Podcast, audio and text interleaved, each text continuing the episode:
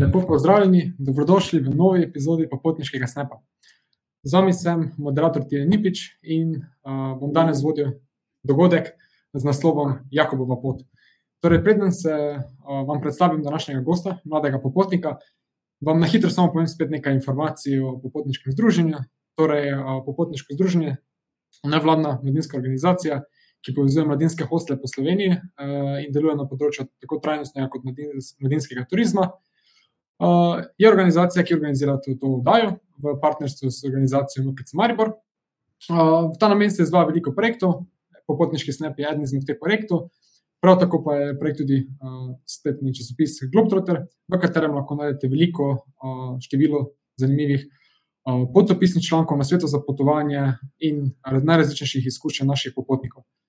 Torej, um, zdaj se pa lahko premaknem k našemu gostu. Torej, z nami je uh, moj kolega, uh, mlad popotnik, ki se je podal na Jakobovo pot po Španiji in to je samo Avsec, torej samo pozdravljen v Vodaji.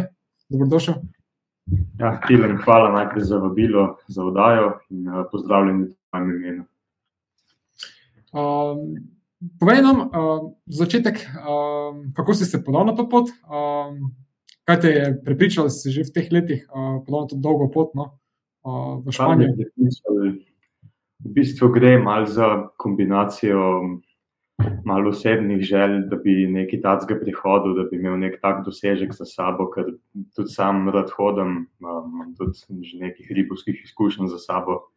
Um, in ker sem jaz zdaj nekako pripravljen na to in da bi bilo to tudi tako mogoče duhovno, ena tako zanimiva južna, sem se nekako odločil, da bom šel. Tako, torej, to je bil tvoj glavni motiv. No? Mislim, um, zdaj, predem začnemo s predstavitvijo, vas vse gledalce in gledalke pozivam, da um, postavljate vprašanja in komentarje, na katere bomo poskušali odgovoriti tekom predstavitve na koncu. Um, ja, sedaj pa lahko tudi začnemo s slikovnim materialom. Mhm. Ko smo začeli. Okay. Tako da, ja, še enkrat dobrodošli na predstavitvi. Danes bom jaz predstavil tole svojo Jakobovo pot, ki sem jo prihodil v zadnjih dneh septembra. Um, za nek uvod bi pa mogoče najprej par besed o zgodovini te poti, kako se je to sploh začelo. Uh, namreč Pripričan sem sicer, da večina poslušalcev že ve, kaj kamino je in uh, so za njim že slišali, mogoče še kdo ni, bi pa jaz malo povedal. Kamino v španščini pomeni pot, da je Santiago, pot svetega Jakoba, Jakobova pot. Um, zdaj, mogoče je zavajajoče, ker dejansko ne gre za samo eno pot, ampak jih je pravzaprav sedem, kot vidite na zemljevidu. Sedem poti, ki se vse stekajo v tem glavnem kraju, kjer je svet Jakob danes tudi pokopan, torej Santiago. Um, mogoče svet Jakob je sicer zavednik Španije, se spodob kakšna beseda o njemu samem. Um, zdaj, kot krščansko izročilo pravi, Jezus je svoje apostole poslal po, po svetu, da bi širili krščanstvo. No, in svet Jakob, takrat še apostol, je prišel v to rimsko provinco Hispanijo in je hodil po njej in razširjeval katoliško vero krščanov. Um, ampak, kot vemo, Rimljani so bili v tistem času še predvsem poganski, niso tolerirali katoliške vere in Jakob je končal tako, da so ga leta 1944 usmrtili v Jeruzalemu.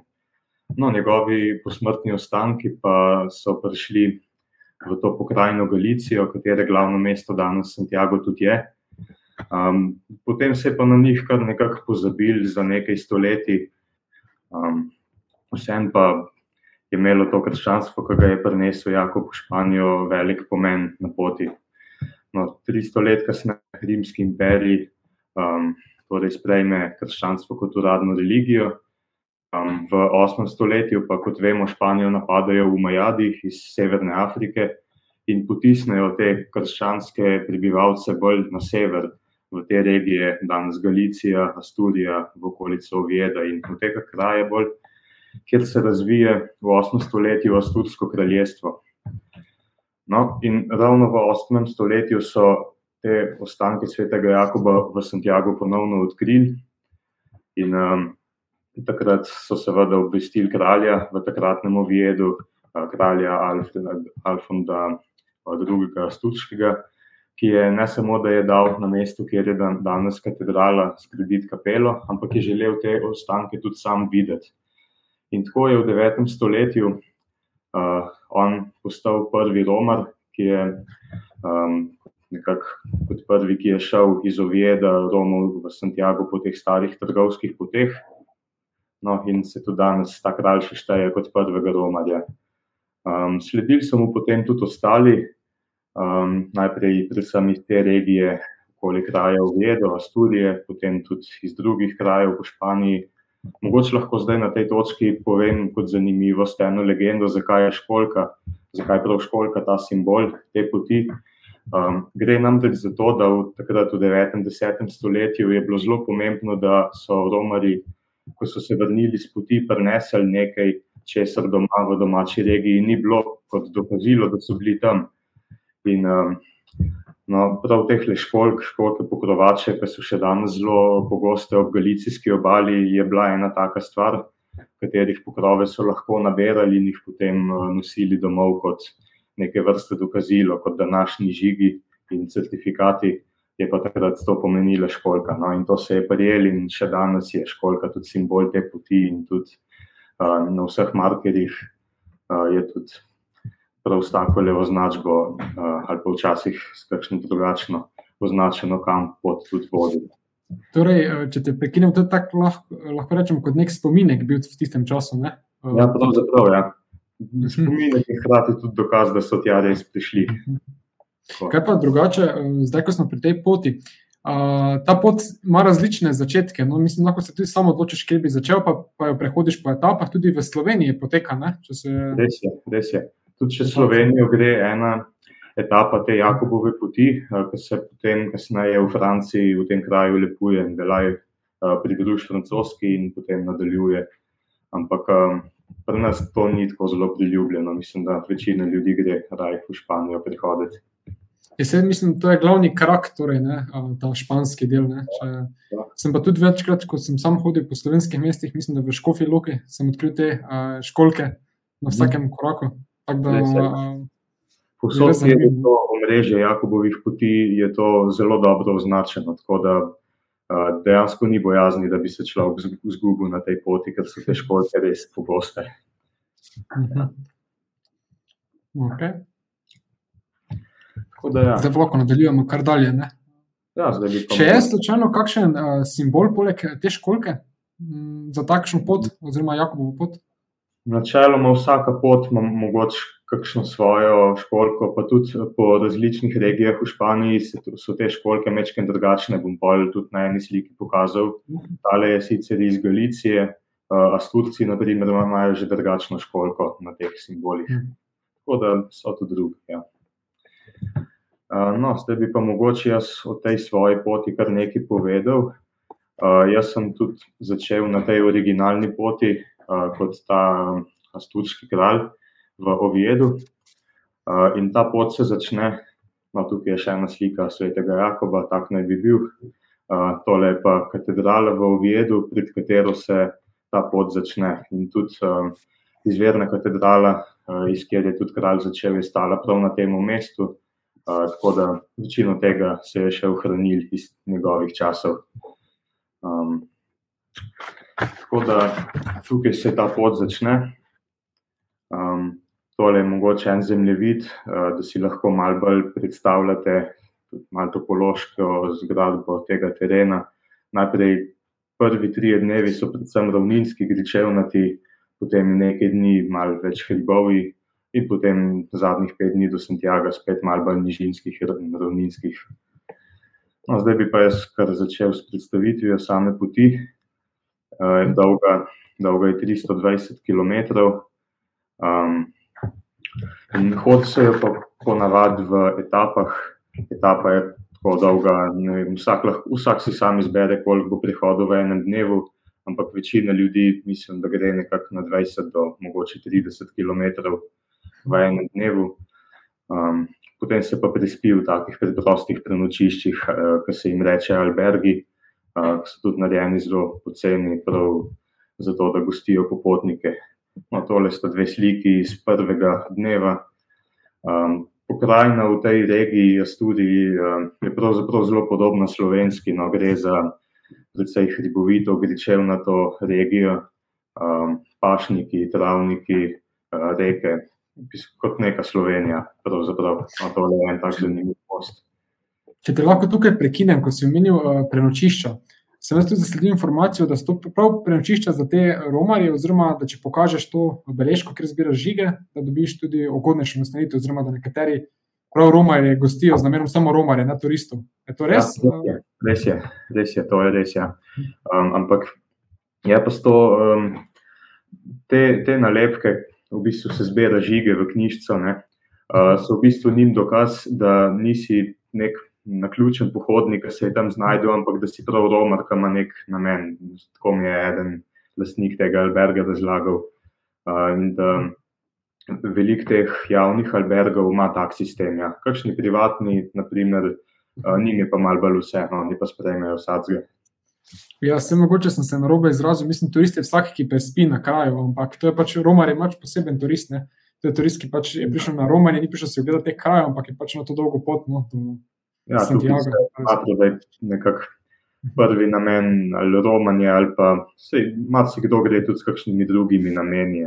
Ampak, um, ko sem se pogovarjal z ljudmi, veliko jih ima kakšno spiritualno izkušnjo za sabo in iščejo v tej poti neke vrste globli pomen. Tako da se mi zdi, da je teh le več, vsaj na tej poti. Vsak s svojim ciljem, oziroma vsak dobi že svoje doživetje. To je težko tudi opisati, no? samo lahko približamo komu to. No? To se najbolj vidi tako, da dejansko greš na to pot in da se pogovarjaš z ljudmi, ki jih spoznaš. So zelo zanimive zgodbe. Da res svetujem, da če bo kdo tam, da se pogovarja z ljudmi. Marci, kateri od njih ima tudi že, je že večkrat prihodil to pot. Um, Ko sem spoznal, kakšne, so rekli, že desetkrat, petnajstkrat, da so šli na kamino. Um, tako da, ja, no je nekaj več na tem. Ja, res je, tudi enkrat, uh, vsakeč je drugačno doživeti, ne? nikoli ja. ni enako. Ja. Čudovite slike vidim, lahko gremo tudi naprej, še do naslednjih. No, takole, na tej sliki desni sem želel prikazati. Pa, tole je v bistvu ta asturski simbol uh, za kamino, drugačen kot galicijski. To je prav neke vrste tradicija, če sem prav razumel, da ima vsaka španska regija to uh, mečkim po svoje narejeno. No, tukaj na levi sliki se vidi, da je neka običajna zaspana vasica, takih je na poti res ogromno. Um, tudi eden od velikih problemov, ki jih ima ta del Španije, je to, da se ljudje izseljujejo in to se tudi zelo pozna na ko hodiš po poti in si ogleduješ, spoznavaš, kako ljudje živijo, um, se vidi, da je to velik problem tam, sploh na podeželju. Ja. S takšnim trebuhom, s, s trebuhom za kruhom, ne, v mesta, ja, verjetno, migrirajo najmlajši, še posebej. Ja, mogoče kot zanimivost lahko povem, um, sploh iz te regije Galicije, ki je prav zraven Atlantskega oceana, ima super izhodišče za iti čez Lužo. Eh, je toliko ljudi odšlo na jug Argentine, da je na jugu Argentine še danes izraz za španca Galego, na mesto Espanjola. Pa, ja, po tej regiji. Zanimiva informacija. Ja, mogoče kot zanimivost. Uh mhm. -huh. Ogromno ljudi se je selilo. Ja. Kaj pa, ko si se sprehajal skozi ta majhna mesteca vasi, uh, mogoče če si naletel na kakšen pogled, kakšnega starejšega prebivalca, so vas tako z lepimi pogledi pričakali, mogoče ja. metali cvetje. Um, dobrodošli ste bili. So, so, zelo, um, so zelo gostoljubni, ker um, se tudi oni sami zavedajo, da ta regija je dejansko tista zapostavljena v Španiji, tista, ki če ne bi bilo turizma od kamino pa od plaž, tja ne bi, ne bi veliko ljudi prišlo, tako da cenijo vsak, ki pride. Ja. Zelo lepo, no, so naklonjeni temu. Naklonjeni žal ne znajo prav dobro angliško, starejša generacija, no tudi mlajša. Bi se dal debatirati, kako znajo španci angliško, ampak ja, težko se je pogovarjati z njimi. Um, in to se je tudi meni zdelo nekako največja ovira pri spoznavanju ljudi tudi v Španiji, ker sem bil dejansko odvisen od svoje osnovne španščine. Ampak, torej si, si komuniciral v španščini, če si, si ja, poskušal v španščini. Trudil sem se, ker se je dal. Imel sem eno aplikacijo, prek katere sem se lahko nekaj naučil. In, uh, ja, kjer. Potem pa, pa, pa, pa.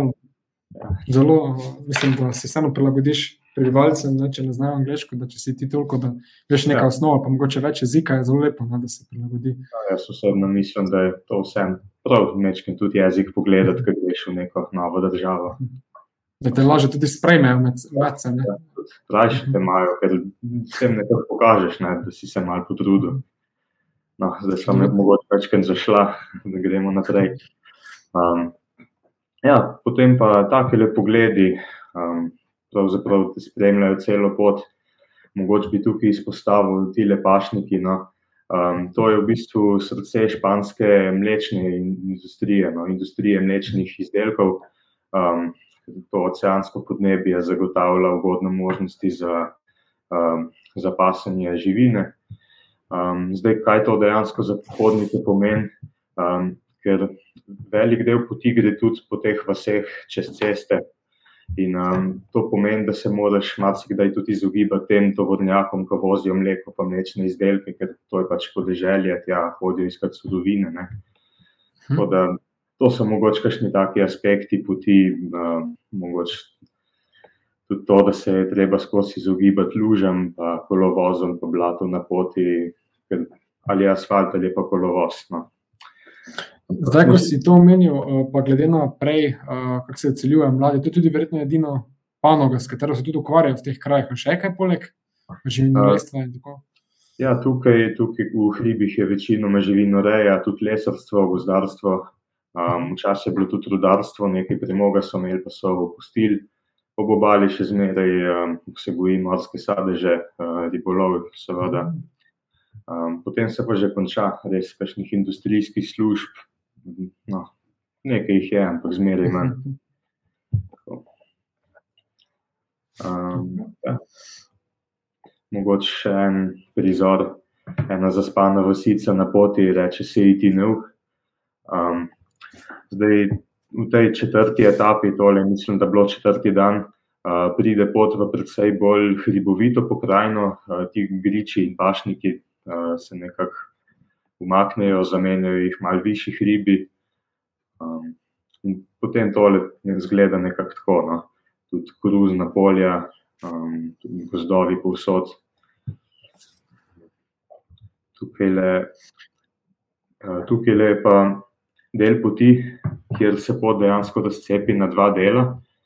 Ena pot gre čez gore, uh, katero sem prehodil tudi jaz ki je malenkost krajša, druga pot je pa mal daljša, je pa okolj hribov, je pa tudi nekoliko lažja. No?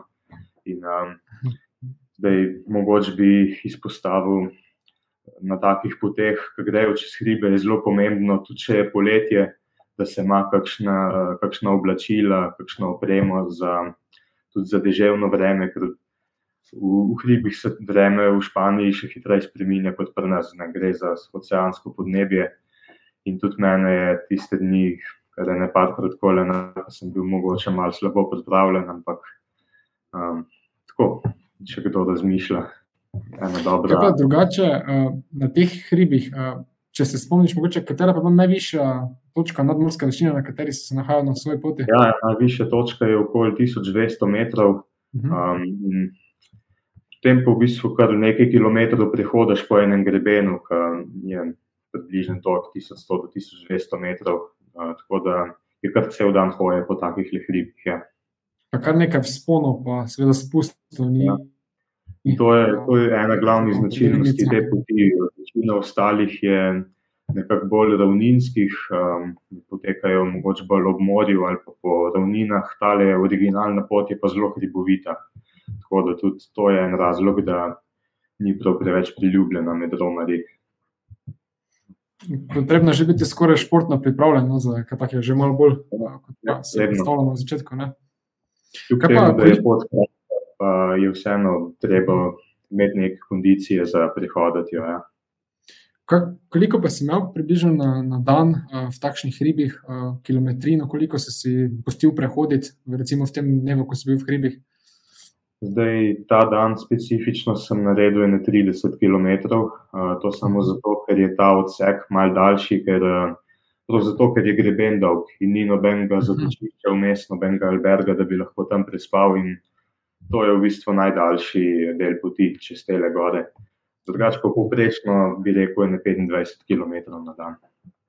Adijo. To pa je, ja, to je daljinska pot, ta prava. Ja, ja.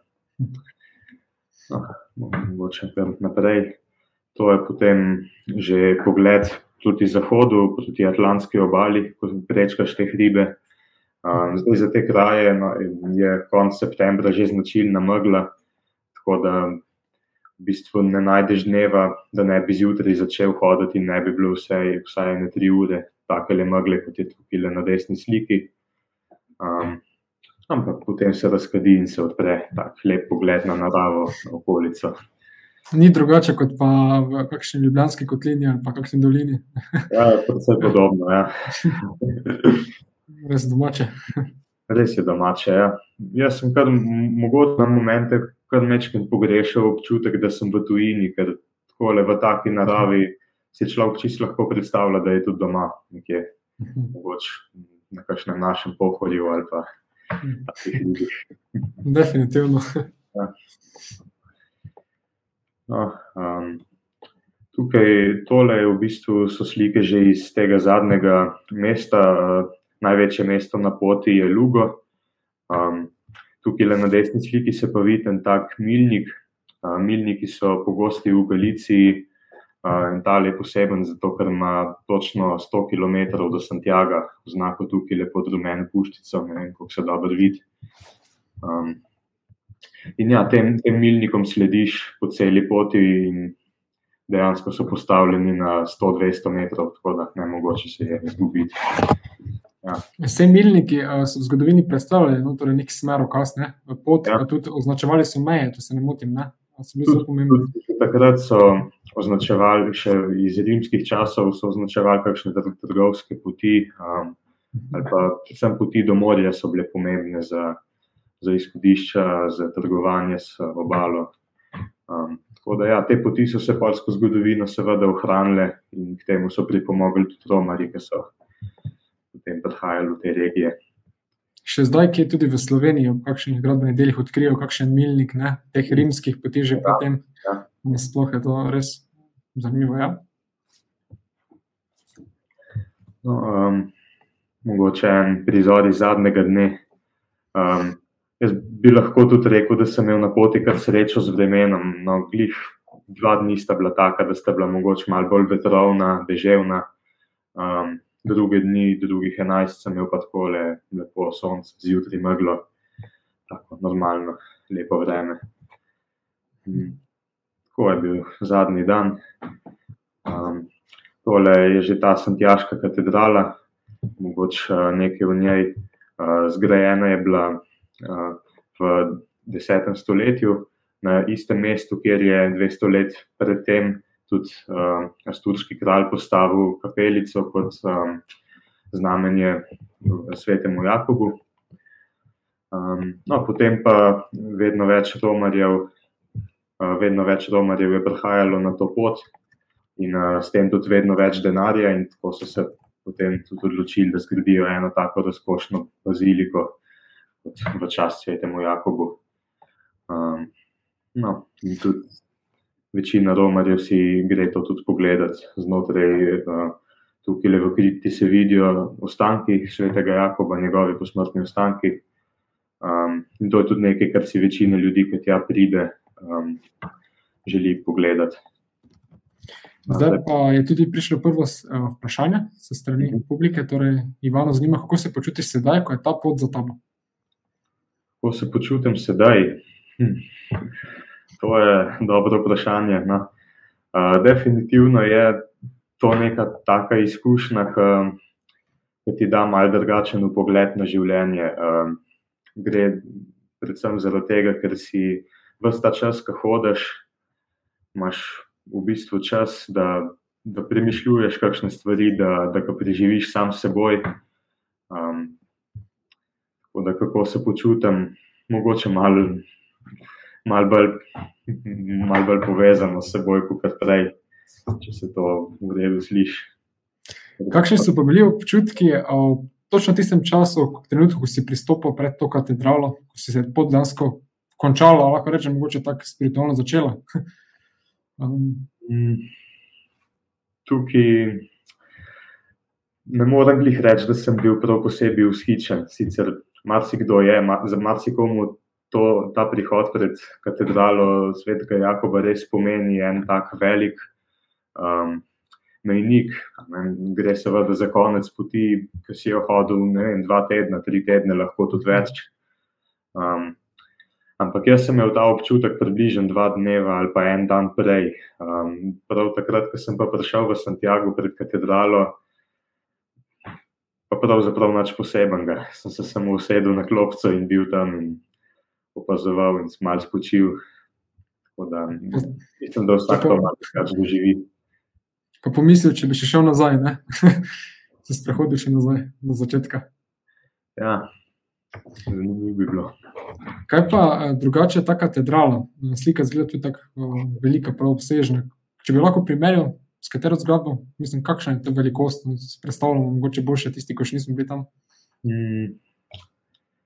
Dej, kako bi rekel, ta trg, mislim, da je tam med 50 in 100 metrov dolg, katedrala, mislim, da tudi nekaj tacga.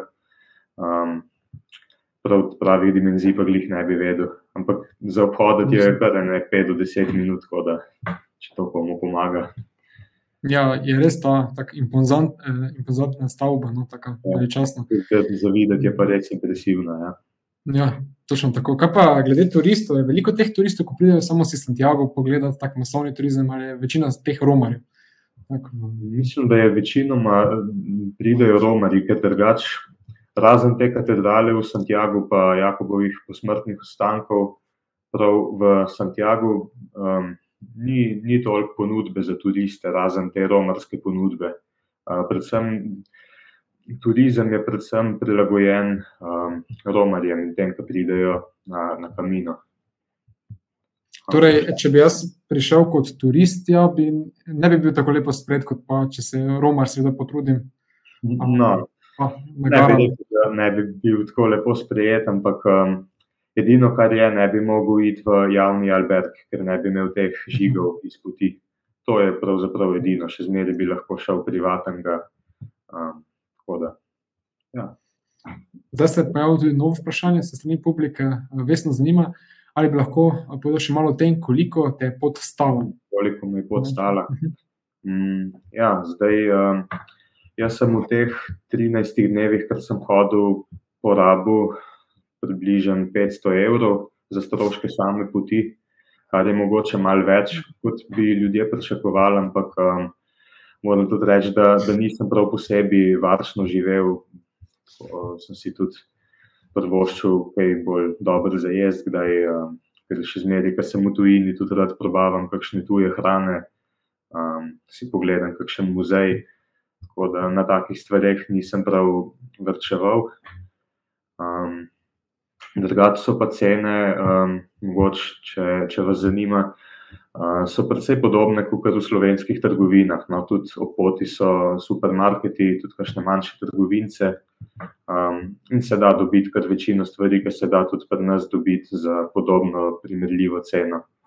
Uh, prenočišča, javni albergi so malce cenejši od privatnih, uh, stanejo približno 10 evrov, včasih malo manj, včasih malo več privatni so okoli 15, včasih 20.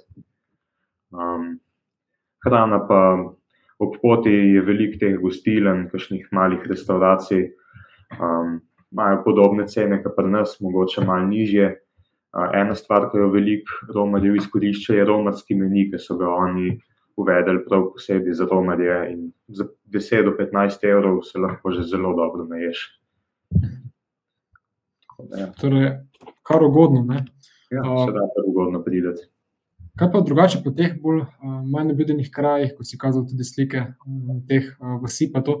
Imajo tudi po poti, če letiš na zaprta vrata, tudi avtomate s hrano, po poti vse je pripravljeno, mislim, toliko, da če je kaj nujnega. Ne?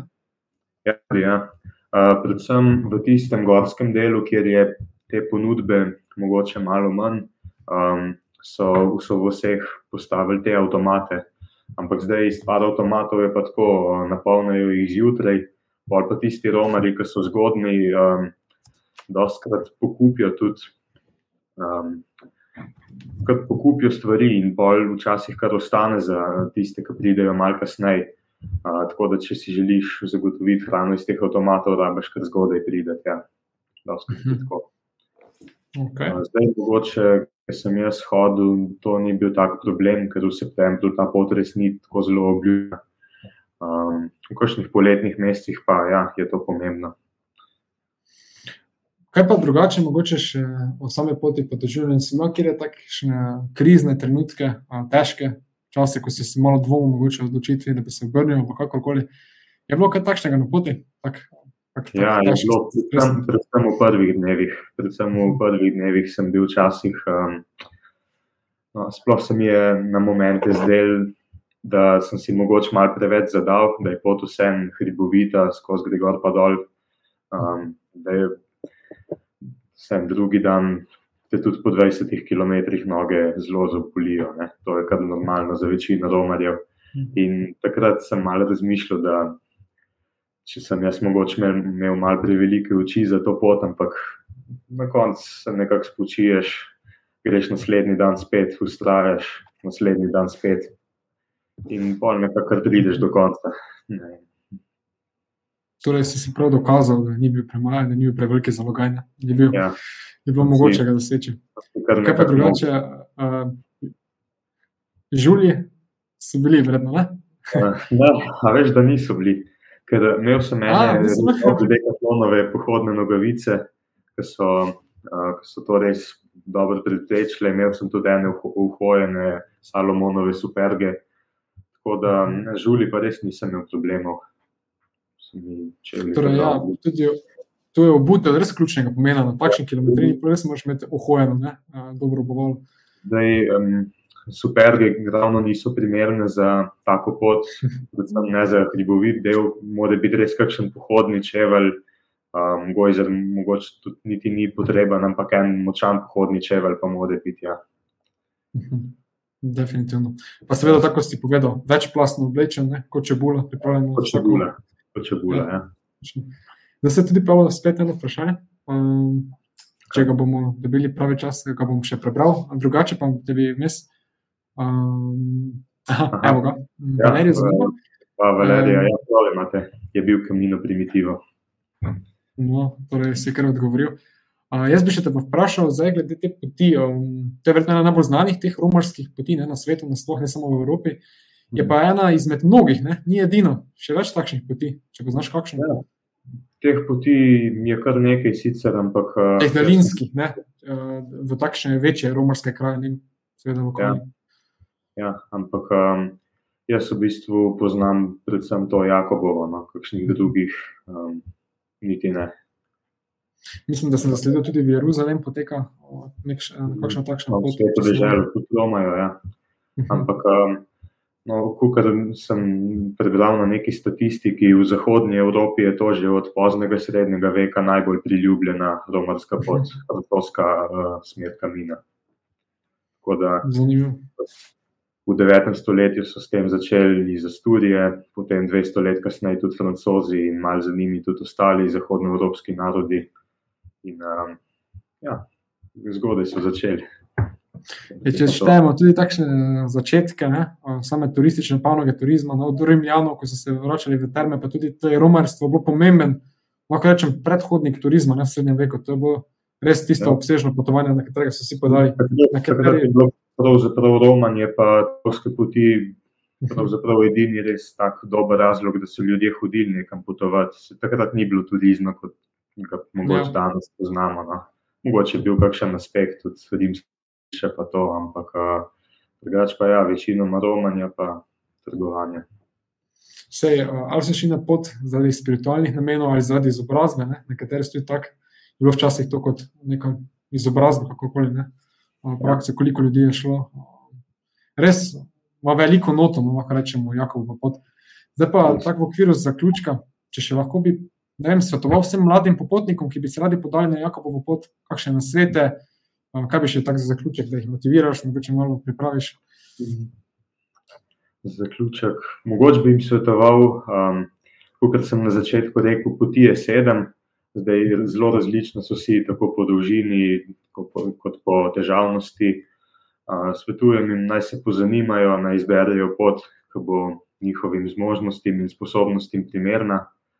Um, mogoče za letni čas najbolj svetoval vremensko primeren, kakšno pomlad, maj, juni, tudi september, oktober ste še v redu. Um, poletje je mogoče malo prevroče, pa veliko ljudi na poti. Um, drugač pa v splošnem bi jim rekel, kar pogumno. Malo si kdo na začetku mečken obupuje, se mečken boji, vključno z mano prej, ampak um, mislim, da je glavno to, da stopaš si enkrat tam, greš pa sam še naprej. Prvi korak je najtežji. Ne? Ja, prvi korak je najtežji. Ja. Drugače si pa ti v septembru ujel ugodno vreme, se si povedal, da smo večinoma tudi sončno megleno, no, ampak uh, je bilo september res torej idealen, kaj časne. September je res super čas, no, ja. Torej, tudi prijetne. Ja. Torej, za vse, uh, ki vas takšne poti zanimajo, ki vam to predstavlja izziv, ki imate namen se kdaj odpraviti, no, zdaj ste slišali tudi samo to izkušnjo, njegove nasvete, tako da upam, da vam je to približalo, Jakobovo pot en korak bliže uh, k dejanski izvedbi oziroma dejanski odpravitvi na to potovanje. S tem tudi zaključujemo to epizodo. Vsem se zahvaljujem za obisk, torej za ogled, da ste bili danes z nami. Posebno zahvala gre samo, da se nam je pridružil in se pripravil predstaviti vse informacije, zbral, se spomnil vsega. Tako da hvala samo.